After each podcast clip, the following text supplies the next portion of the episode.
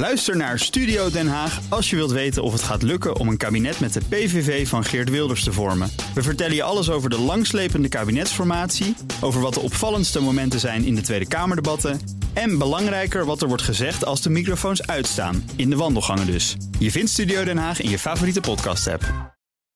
Update. Stijn Gozers is bij ons. Hey Stijn. Goedemiddag. De eerste details van de Europese AI-wetgeving, ja, die zijn gelekt. Ja, gisteren en vannacht is er flink doorvergaderd door, uh, over deze wetgeving door de EU-lidstaten en het Europese parlement. Morgen worden de laatste puntjes op de i gezet, is zojuist uh, bekendgemaakt. En uh, mogelijk wordt dan ook de definitieve wet, wetgeving vastgelegd als er geen hobbels meer op de weg zijn. En vandaag kreeg persbureau Reuters al een voorlopig voorstel in handen om het in te zien.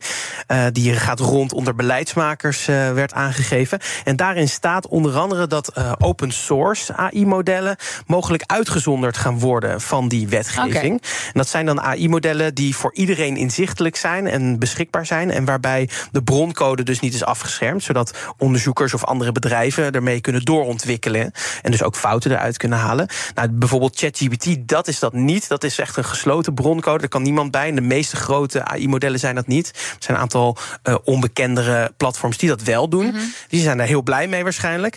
Nou, alleen als, het, als zo'n vrij beschikbaar AI-model echt een groot risico met zich meebrengt of misbruikt wordt uh, voor, uh, voor uh, illegale praktijken, dan zal er wel strenger gehandhaafd worden. En dit voorstel lijkt een van de compromissen te zijn die de afgelopen weken gemaakt is. Er is namelijk flink gelobbyd door de techsector. En landen als Frankrijk, Duitsland en ook Italië, die zijn eigenlijk een beetje gezwicht daarvoor. Die willen dus een, ja, een beetje een afzwakking van die wetgeving. Dat is waar de afgelopen dagen over onderhandeld is. En uh, ja, we gaan uh, binnenkort zien wat al die plannen uiteindelijk worden. Ze moeten ook wel, hè? want de deadline voor deze AI-act was gisteren. Ja, klopt. Ja, en nu is hij dus een beetje verschoven naar, naar morgen. En hopelijk dus voor het weekend alles bekend. En dan gaan we ook zien of er nog andere compromissen zijn. En ja, en dit is toevallig ja, iets meer dan een jaar na die doorbraak van ChatGPT. Ja. En straks bij BNR volgens mij meer over ja, deze in de Daily Move. Ja. Laten we daarover door. Dan naar buiten de EU, want de Britten beschuldigen Russische veiligheidsdiensten van gerichte cyberaanvallen. Ja, volgens de Britse, Britse overheid zijn er cyberaanvallen uitgevoerd op onder andere politici, op journalisten en op NGO's en ook universiteiten. En die aanvallen uh, zijn al een paar jaar gaande zelfs. Dat staat in een overheidsverklaring. En het doel zou zijn geweest om informatie in te winnen rond de Britse verkiezingen en ook campagnes om desinformatie te bestrijden, mm. om daar meer over te weten. de aanvallen werden uitgevoerd door de uh, cyberspionagegroep Star Blizzard. Dat is van de Russische FSB, de Veiligheidsdienst. En de meeste van die aanvallen werden afgeslagen, zeggen ze. En wel lekte er dus een aantal uh, overheidsdocumenten naar de FSB door deze aanvallen. En de Britse inlichtingendiensten hebben nu in ieder geval twee Russen weten te identificeren die betrokken waren. Die staan ja. op een sanctielijst. En de Russische ambassadeur is nu gevraagd om uitleg te komen geven. Oké, okay. en dan Facebook Messenger. Ja, wordt in de Verenigde Staten vooral heel veel gebruikt, toch? Wordt een stukje veiliger met nieuwe versleuteling. Ja, en dan gaat het om de welbekende end-to-end versleuteling. Een beveiliging die WhatsApp, uh, ook uh, van een moederbedrijf Meta, uh, al langer als standaard heeft. Die versleuteling is erg belangrijk, want het zorgt ervoor dat niemand door je berichten kan neuzen. En zelfs Meta zelf niet. Ook niet als ze onder druk staan van een, bijvoorbeeld een overheid. En tot nu toe kon je deze beveiliging alleen individueel per chatgesprek uh, inschakelen op Messenger. Maar met de nieuwe update staat dat standaard aan voor elk gesprek. En volgens Meta duurde het zo lang voor dit, uh, om dit voor elkaar te krijgen, omdat ze het helemaal opnieuw moesten opbouwen. Dat wilden ze goed doen. En daarbij komen nu wel ook een aantal andere beveiligingsopties beschikbaar voor die versleutelde berichten. Zo kan je binnen 15 minuten zo'n bericht nog aanpassen nadat het verstuurd is. En het wordt mogelijk, uh, uh, het wordt beter aangegeven als een bericht tijdelijk zichtbaar is. Want je kan dus ook een bericht versturen die zichzelf letterlijk vernietigt na 24 uur. Ja, Messenger is aangemerkt als poortwachter in de Digital Markets Act ja. van Europa. En daar is Meta zelf niet blij mee. En er kwam al naar buiten deze week dat het bedrijf daarom Messenger nu ook los gaat koppelen van Instagram. Dat is normaal met elkaar verbonden. En uh, er zullen nog wel meer ja, pogingen gedaan worden om toch aan die uh, wetgeving te ontkomen. Tot slot nog een opvallend of een beetje macaber campagnespotje van een Belgische politieke partij.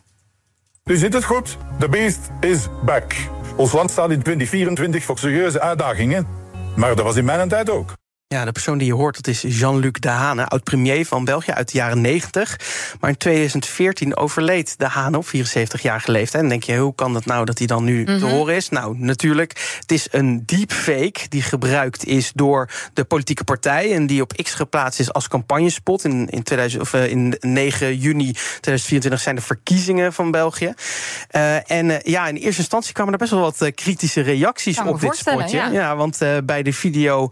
Ja, je wil niet uh, dat zomaar in de maling genomen worden. Maar bij de video staat wel duidelijk dat het over AI gaat. Naderhand heeft de politieke partij ook laten weten dat familieleden van tevoren ook om toestemming gevraagd is. De zoon van de Hanen die zegt in een interview dat het heel correct allemaal afgehandeld is. En toch noemen privacy-experts dit spotje ja, een voorbeeld van privacy-misbruik bij overledenen. Want ook bij hen gaat het over. Ja, die hebben ook recht op Ja. privacy, zelfs na hun dood. En dat Interessante discussie. Ja, ja. kan Je van zou je. zeggen, als de familie zegt... oké, het is goed, je mag dit gebruiken... Ja. en dat die toestemming hebben gegeven... ja, Maar gaat jouw familie dan over jouw privacy als je leeft? Nee, want dan kun je het zelf zeggen. Ja. De vraag is, gaan ze dan wel over jouw privacy als je het zelf niet meer ja kan maar ja, zeggen? dan, dan heb ik in ieder geval iemand die eh, namens mij spreekt. En uiteindelijk is de vraag: eh, gaat het ook kiezers opleveren? Ja, en dat, is dat- nog maar, eh, dat gaan we nog zien over een half Hele jaar. in oude kiezers misschien. Ja. Wellicht. Dankjewel, Stijn Goosens. De BNR Tech Update wordt mede mogelijk gemaakt door Lenklen. Lenklen. Betrokken expertise, gedreven resultaat. Bij BNR ben je altijd als eerste op de hoogte van het laatste nieuws. Luister dagelijks live via internet. Bas van Werven. En heel langzaam komt de zon op rond dit tijdstip. Je krijgt inzicht in de dag die komt op BNR, het Binnenhof in Nederland en de rest van de wereld. De Ochtendspits. Voor de beste start van je werkdag. Blijf scherp en mis niets.